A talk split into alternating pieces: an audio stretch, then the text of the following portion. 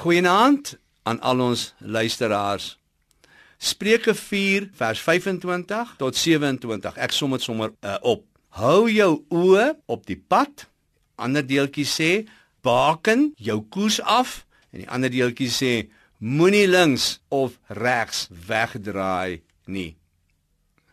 In die lewe het ons almal seker al rolmodelle gehad.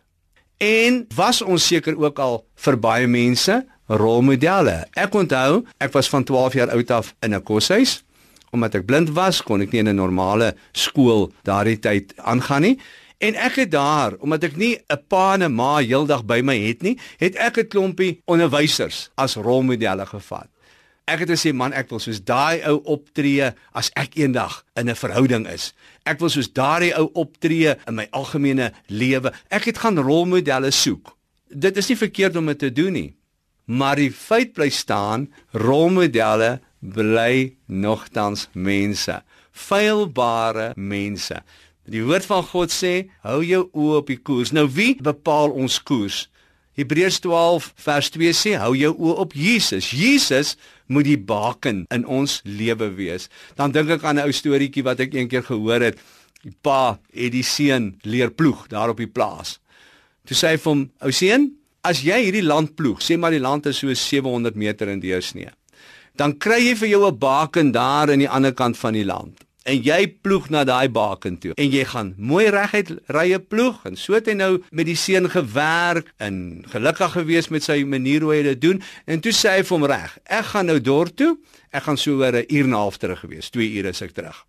Toe hy later terugkom toe sien hy joh iets het verkeerd geloop. Hierdie laaitjie van hom het sulke sekelvormige rye geploeg sulke krom rye en hy stop hom. Hy sê stop stop stop. Hy sê hoor hierso Wat vang jy aan? Jy ploeg verskriklike kromrye.